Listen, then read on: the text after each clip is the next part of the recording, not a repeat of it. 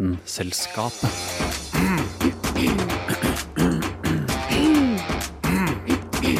Vitenselskapet. De er raske, slanke og kraftige, og noen eksemplarer er blant de raskeste på jorda. Jeg kunne snakka om gepardene nå, verdens raskeste dyr, men det gjør jeg ikke. Dagens utgave av Vitenselskapet handler nemlig om tog.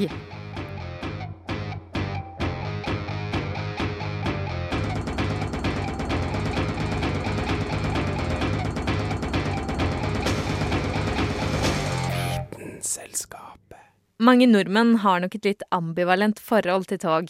Særlig om man er en av dem som pendler inn til Oslo med de skinnegående skapningene, og har mareritt om ordet signalfeil.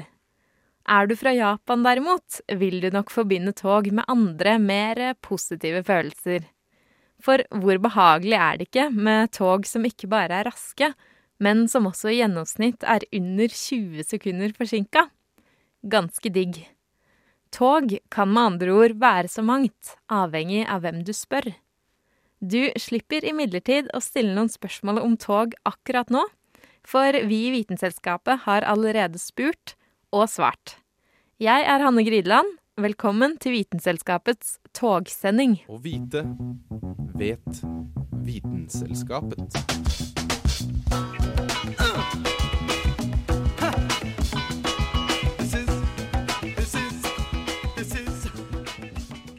Nå skal vi høre litt om de superraske Shinkansen-togene i Japan.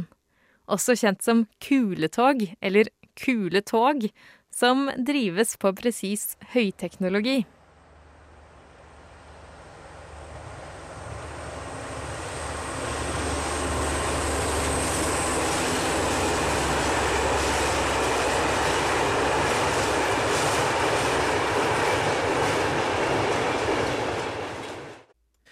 Shinkansen, også kjent som bullet trains, er et av de raskeste kommersielle togtyper i verden. Og togene blir tatt i bruk i Japan, fra Kyushu i sør til Hokkaido i nord, og dekker da jernbanebehovet for hele landet. Eller skulle jeg si behovet for superfast travel. Maksimum operativ hastighet på toget er nemlig 320 km i timen, men er også målt helt opp mot 443 km i timen for konvensjonell bane i 1996.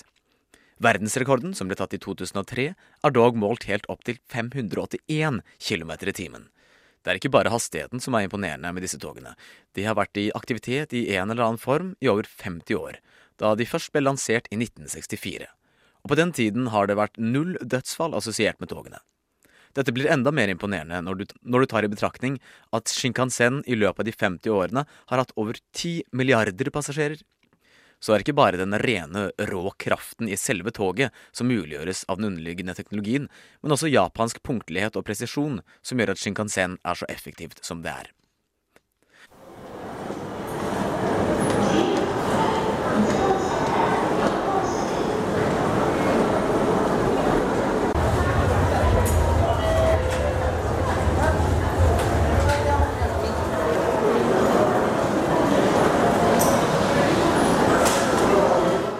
Shinkansen betyr direkte oversatt fra japansk ny stammeform, som refererer til den merkelig kuleaktige formen den første versjonen av toget hadde. Den karakteristiske opprinnelige formen var med på å etablere toget i folkets bevissthet, og ble et slags symbol for det moderne Japan etter andre verdenskrig.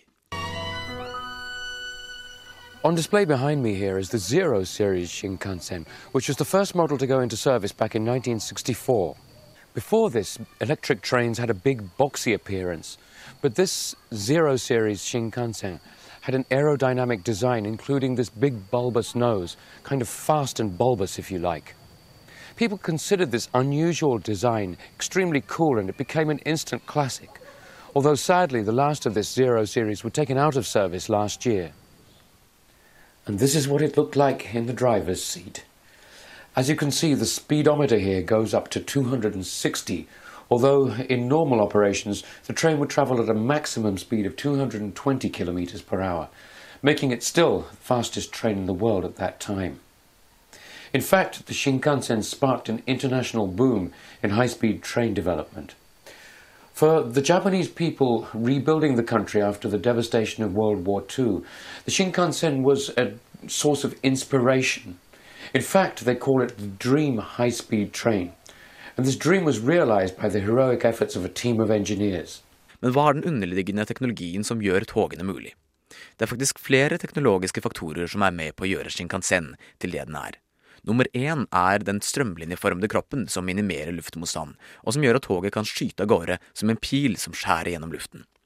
Den karakteristiske formen er med andre ord ikke bare for utseendets skyld. Det er flere former på Shinkansens første vogn, alt fra den første kuleaktige formen til senere tiders mer spisse papirflylignende form. Nummer to på teknologifaktorlisten kan minimering av vibrasjon nevnes. Én ting er minimering av vibrasjon med tanke på luftsmotstand, en annen er på selve jernbanesporet. Jernbanesporene er ekstremt tett sveiset sammen, som både minimerer vibrasjon og den klakkende lyden som følger med. Fjerning av vibrasjon og lyd er noe av det som er med på å gjøre Shinkansen-turen til en behagelig opplevelse. Det er videre ingen skarpe vendinger eller svinger på sporet til Shinkansen, av nokså åpenbare grunner. En fjerde faktor er kontrollen av fart. Når toget går så raskt som det gjør, er det essensielt med god kontroll. Og når det går i over 200 km i timen til vanlig, er det for raskt for menneskelige konduktører å kontrollere presist. Det er derfor de har ATC, Automatic Train Control, der signaler sendes langs sporet og inn i cockpiten, slik at toget kan samarbeide med konduktøren. Japans sjefsingeniør over jernbanen, Hideo Shima, ønsket i sin tid å lage et tog som skulle føles som et fly å reise med. Dette har han på mange måter klart. Shinkansen, kuletoget som fyker gjennom det japanske landskap, kan bli sett på som en teknologisk suksesshistorie.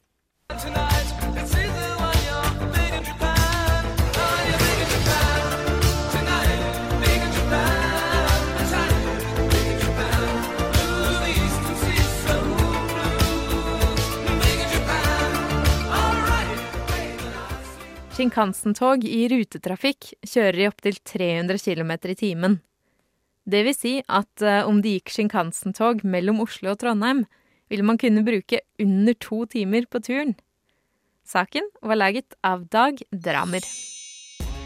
Visst, visst, visst, visst, visst du at? Hvis du at?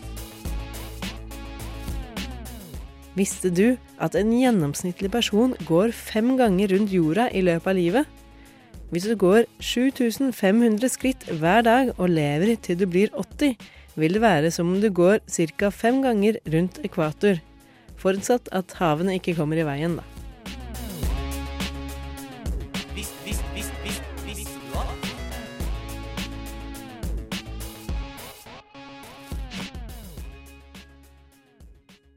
Den første Shinkansen-linja åpna i 1964. Men tog som oppfinnelse i seg selv er ganske mye eldre. Det er lettere sagt enn gjort å bestemme akkurat hvem som fant opp togbane. Oppfinnelser har kommet stykkevis opp igjennom. Skal vi se hvem som er ukas vitenskapsmann? I'm on a fantastic journey to look for the origins of life. E equals mc squared. I suspect that there are more things in heaven and earth than are dreamed of or can be dreamed An event called the Big Bang. Ukas vitenskapsmann. En anonym greker er ukas vitenskapsmann. I nærheten av Korint var det for et par-tre tusen år siden satt i verk en rudimentær form for togvirksomhet. På ei lita landslintre så de seg lei til å seile rundt øya hele tida, så her bygde de et spor for å hale båter fra ene sida av øya til den andre. Nå er det ikke et tog som gikk på den bana. Et tog og en båt er jo for så vidt to vidt forskjellige ting. Men ideen om sporinga var på plass, og de svære skipene kunne bli dratt de seks kilometerne over land. Dette er jo knappast oppfinnelse av toget, da. Så oss kan nok finne en bedre kandidat. Ukas vitenskapsmann. Ukas vitenskapsmann er en tysk gruvearbeider. Den lure karen her tok sporideen og kombinerte den med den i etterkant innlysende ideen om å bruke hjul. Sånn kunne en med håndmakt mye lettere flytte et tonn med råmateriale fra gruva og ut i dagen. Fortsatt, ei kjerre som blir trukket på noe trespor, er ikke akkurat det som oss naturlig kaller et tog i dag. Videre. Ukas vitenskapsmann. George Stevenson er ukas vitenskapsmann. Denne gutten fikk fart på sakene og bygde det som i dag blir sett på som starten på togets æra, nemlig damplokomotivet. Patenten på Bulton og Watt sin dampmaskin gikk ut i 1800, og nå var det fri tilgang til å bruke teknologien i hva form som måtte passe.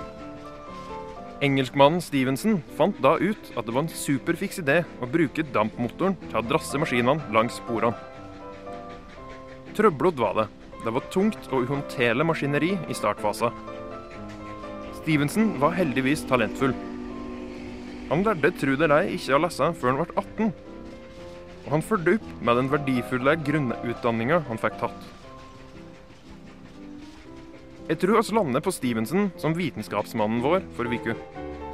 Han lagde tross alt det essensielle toget, med dampen stående ut av pipa. Folk kom med rammeverket for ideen før i hans tid, men han kobla alle ideene sammen i skjønn synergi. Folk har foredla togteknologien en hel del etter Stevenson, f.eks. med renere energikilder enn å måtte brenne kull. Men leve damplokomotivet, og leve George Stevenson. I mange år var den ikoniske Dovregubben damptoget som for over Dovrefjell og kobla nord og sør. Keep puffen! Saken var laget av den dampdrevne Carl Adams Kvam. Visst, visst, visst, visst, visste du at? Visste du at? Visste du at flodhester skiller ut en rød, klissete svette? Denne svetten fungerer som en naturlig solkrem for flodhesten, og beskytter dessuten mot bakterier.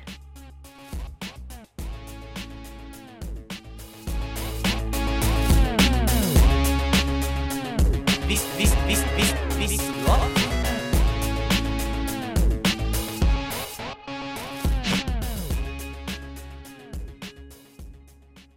Trodde du signalfeil på tog bare var noe moderne togpassasjerer må slite med? Kristin Grideland og Dag Løvold Magnussen forteller deg at du tar feil.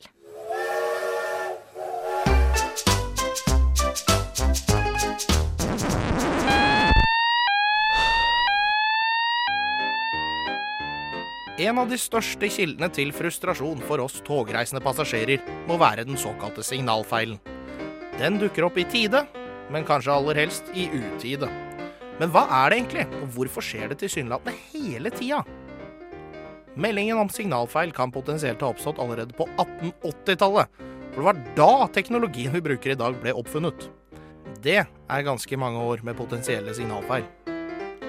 Grunnen til at vi trenger disse signalene, er ganske enkelt for å unngå at tog krasjer med hverandre. Og Det er derfor også viktig å ta alle signalfeil på alvor, selv om det som regel ikke er noe farlig. For å være på den sikre siden, så lyser nemlig alle lys på togstrekningen rødt hele tida. Bortsett fra når det er trygt å kjøre.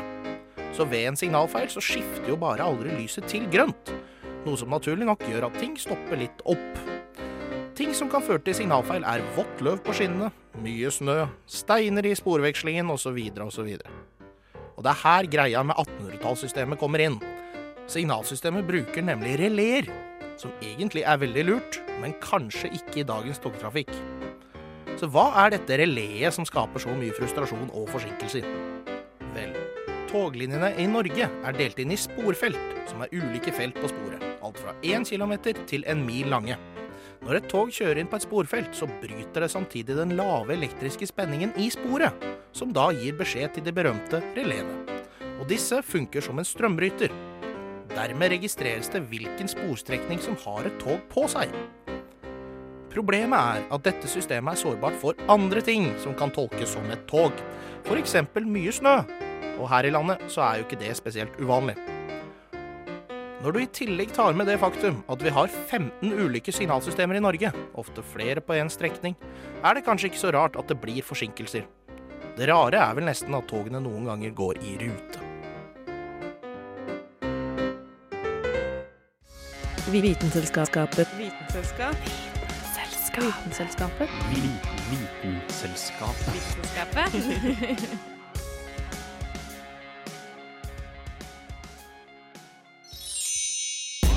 Visst, visst, visst, visst, hatt Hvis du at? Visste du at den berømte dyregruppen dinosaurene levde på og dominerte jorda i over 150 millioner år? Vi mennesker har på den annen side vært på jorda i maks 200 000 år, og den menneskelige sivilisasjonen har kun eksistert i 10 000 år. Det tar en stund før vi kan matche dinosaurenes regjeringstid. Visst, visst,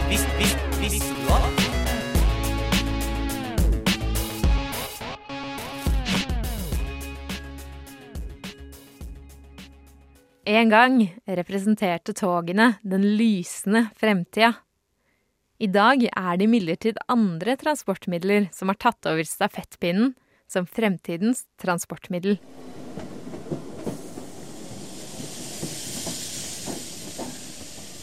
Har du noen gang tenkt over at i nesten alle science fiction-filmer så er futuristiske transportmidler veldig sentrale? Fra svevende biler til lyntog. Hvor virkelighetsfjernt er det egentlig?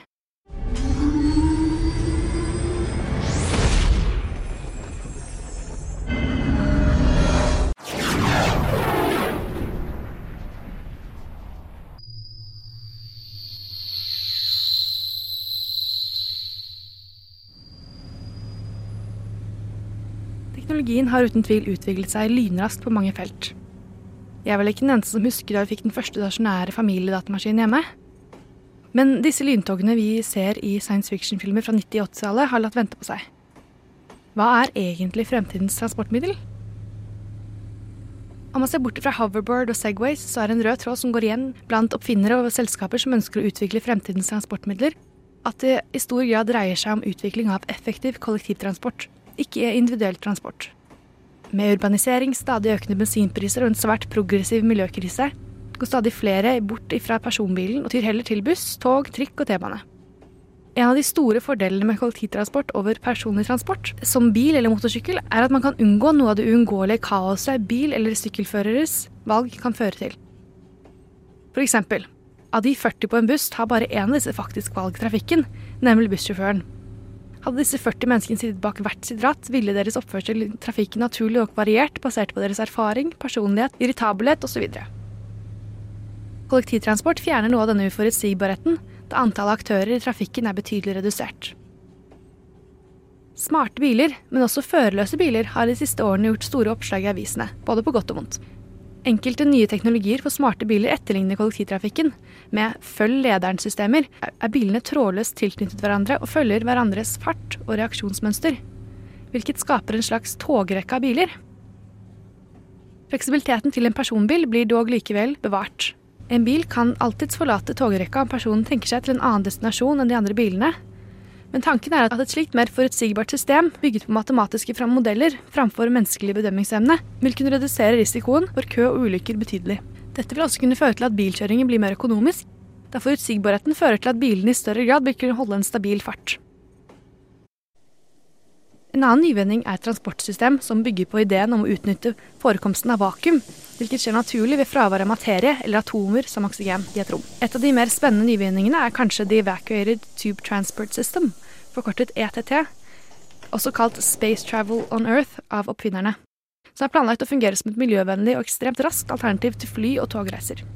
ET3, Evacuated Tube Transport Technologies, har utviklet en modell der, der passasjerkapsler på størrelse med dagens biler beveger seg på en friksjonsløs maglevbane, eller en svevebane, gjennom en tunnel mellom to steder. Maglev er forkortelse for magnetisk leviasjon, som er en teknologi der togvognene ved hjelp av en elektromagnetisk løfteevne svever over skinnegangen. Slike tog kan bevege seg raskere og er mye mer stillegående og krever mye mindre energi enn hjulbaserte tog. Det er nettopp et Maglev-tog som holder fartsrekorden på jernbanetransport, med fart oppe i 603 km i timen på en teststrekning. Det som dog krever mesteparten av energien, er bekjemping av luftmotstanden. ET3 hevder at de har en løsning på dette problemet, nemlig ved å fjerne all luft fra tunnelrørene. Dette fraværet av oksygen i rørene fører til redusert luftmotstand og en vakuumeffekt. Og passasjerkapslene trenger kun å bli akselerert av elektriske motorer før de kan bevege seg i svært høy hastighet uten bruk av videre energi, kun ved hjelp av vakuumeffekten. Selskapet hevder at deres system vil være 50 ganger så effektivt som tog eller elbil per kilowatt energi brukt. Hastigheten på passasjerkapselen er ganske mye høyere enn det en bil eller et tog vil klare å komme opp i. For innlandsreiser vil farten i utbyggingsfasen være 600 km i timen. Men selskapet planer å utvikle systemene slik at passasjerkapslene kan bevege seg i 6500 km i timen for internasjonale reiser. Om du i likhet med meg har vansker for å fatte hvor raskt 6500 km i timen er, kan jeg fortelle deg at du kunne komme deg fra New York til Beijing på to timer. Noe som i dag tar ca. 14 timer med direktefly. ET3s tunnelteknologi er langt fra ferdigutviklet, og foreløpig kun i utprøvingsfasen. Deres første mål er å bygge en 5 km lang modell. Det er ikke bare ET3 som er interessert i utviklingen av vakuumbaserte transportmidler. Det hypotiseres også om en transatlantisk undersjøisk tunnelbane mellom Manchester og New York, men også en bane mellom New York og Dubai, og flere storbyer i Kina. NSB og Jernbaneverket i Norge, nå kjent som Bane Nor, får mye pepper om dagen. Men sammenligner du det norske jernbanenettet med flere andre lands, står det ikke så forferdelig dårlig til med norske tog. De er kanskje ikke like raske som våre naboers, men du trenger ikke å reise lenger enn til Storbritannia før du finner en betydelig større andel tog som fremdeles går på diesel, og som da stopper fullstendig på hvert togstopp, hvilket fører til en noe mindre smidig togreise. Fremover i tid vil vi nok se mye mer av tog som baserer seg på maglev-teknologi. Og Som følge av dette kan vi se frem til mye raskere og mer effektive togreiser. Men hva blir det neste? Teleportering, kanskje, som i Star Trek? Forskere ved Delft-universitetet i Nederland klarte i fjor suksessfullt å teleportere et atom tre meter gjennom det som kalles kvantesammenfiltring, eller quantum entanglement. Forskere er i ferd med å utvikle et systemnettverk mellom svært, svært kraftige kvantemaskiner som kan utføre teleportering av atomene. Energize.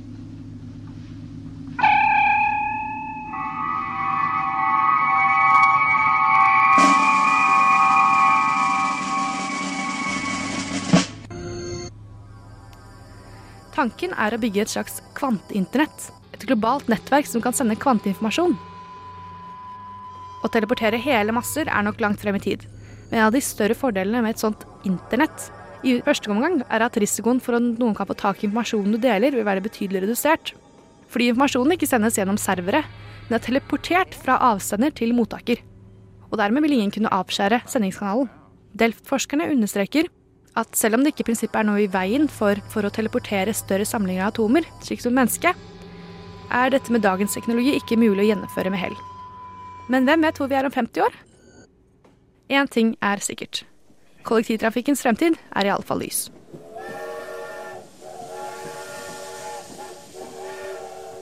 Hun som fortalte om hvordan vi vil reise i framtida, heter Sunniva Sol Stannes Blix. Vi avbryter den ordinære sendingen for å bringe deg verdens romsnytt.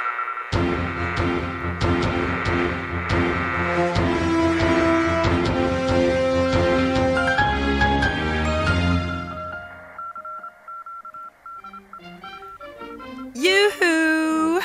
2017 har ikke kommet lenger enn at vi smeller til med årets første verdensromsnytt. Hos NASA er det som vanlig fullt sirkus på denne uunngåelige karusellen vi kaller for jorda vår. Blant annet er fartøyet Juno ute og snuser på Jupiter, vårt solsystems store, store gasskjempe. Den nesten ni milliarder dyre sonden har gjort sin nærmeste forbiflyvning så langt. NASA har i den anledning skrudd på alle klaffer og brytere, og fartøyet er fullt operativt for å observere mest mulig av Jupiters atmosfære. Så langt har disse forbiflyvningene gitt forskerne i California ny informasjon om et mye sterkere magnetfelt enn antatt. I tillegg til dypere forståelse av gassformasjonene på Jupiters overflate. Sonden brukte fem år til sitt reisemål, men er ikke ferdig med oppdraget ennå. Juno skal dykke dypere i Jupiters atmosfære under de øverste skylagene, som per i dag bruker 53 dager på sin bane rundt Jupiter. Juno er ikke den eneste sonden NASA har ute på tokt. Vi skal til Saturn, hvor fartøyet Cassini har sendt hjem noen kjempekule og detaljrike bilder av ringene til vårt solsystems nest største planet. Det vi kan se, er isklumper og grus på jevne bånd, midlertidig bølget opp av en forbipasserende måne med større gravitasjonsfelt. Aldri har forskerne kunnet studert så detaljrike bilder av ringformasjonene til Saturn. Cassini-oppdraget nærmer seg 13 år, og sonden cruiser mot sin siste finale, hvor den slipper seg ned mot Saturns gravitasjonsfelt i slutten av april. 24. august 2006 var en mørk dag for Plutos planetkarriere. Faktisk så vedtok The International Astronomical Union at Pluto ikke hadde nok gravitasjonskraft til å kvalifisere som planet. De degraderte den lille iskalde klumpen til en anførselstegn dvergplanet. Syns du dette var hjerteknusende, og du hadde sverget til hjelperegelen My Very Educated Mother Just Showed Us Nine Planets, P for Pluto, så kan du vel ferda til New Mexico, vel? Den amerikanske staten har nemlig vedtatt en lov som sier at hver gang Pluto passerer over statens nattehimmel, er den å regne som en fullverdig planet. Denne avgjørelsen kan ha noe med å gjøre at dens oppdager, Clyde Tumbaugh, er fra New Mexico. Han underviste astronomi ved det statlige universitetet i 20 år. Rundt vår egen jord har det det siste vært debatt rundt alt dette rotet vi etterlater oss i atmosfæren. Ifølge Popular Science er det 4256 menneskebygde satellitter i bane, hvorav 1100 av de cirka er fremdeles i bruk. Det finnes òg millioner av mer smårusk og rot. JAXA, akronymet for Japans romprogram, forsøkte her forleden å gjøre noe med dette. De lagde enkelt nok et slags fiskenett som skulle trekke noen av objektene nærmere jordens atmosfære, slik at de ville bli sugd inn av gravitasjonen og brenne opp. Dessverre gikk det ikke helt som JAXA ville, og nettet ble aldri sluppet ut. Om du er nysgjerrig på disse ulike satellittene og deres plassering, så har faktisk nettmagasinet Quartz lansert et interaktivt kart som viser dette live. Året som kommer er naturligvis spekket med spektakulære show for den nysgjerrige som retter sitt skue opp mot himmelen. Men allikevel så må vi vente, for ikke før den 16. april kommer den neste meteorsvermen, nemlig lyridene. De er ikke megaskarpe, men det vil absolutt være muligheter om man trekker unna Oslo og dets lysforurensning. Sola er, og har i det siste vært, veldig aktiv, og en del nordlys forekommer. Så om du vil se dette selv fra Oslo, så kan du jo følge med på de aller fleste leverandører av meteorologiske nyheter sådan, som forteller deg om nordlysaktiviteten. Men da gjelder det bare for meg å si fra brunstjerna til månetoppen, Johanne Furuseth, over og ut.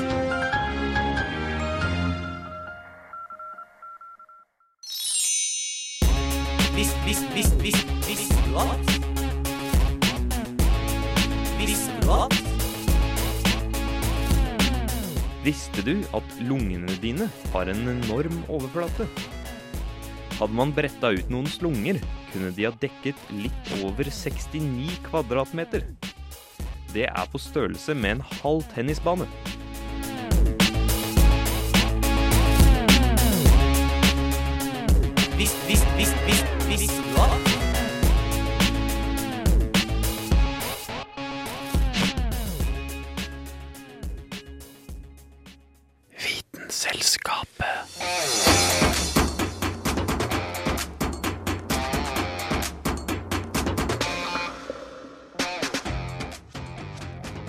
Mens toget tøffer videre i solnedgangen, stopper Vitenselskapet ved denne stasjonen. Vil du være med videre på ferden? Følg oss på sosiale medier, og hør på neste sending om en uke. Jeg heter Hanne Grideland. Du hørte på. Vitenselskapet.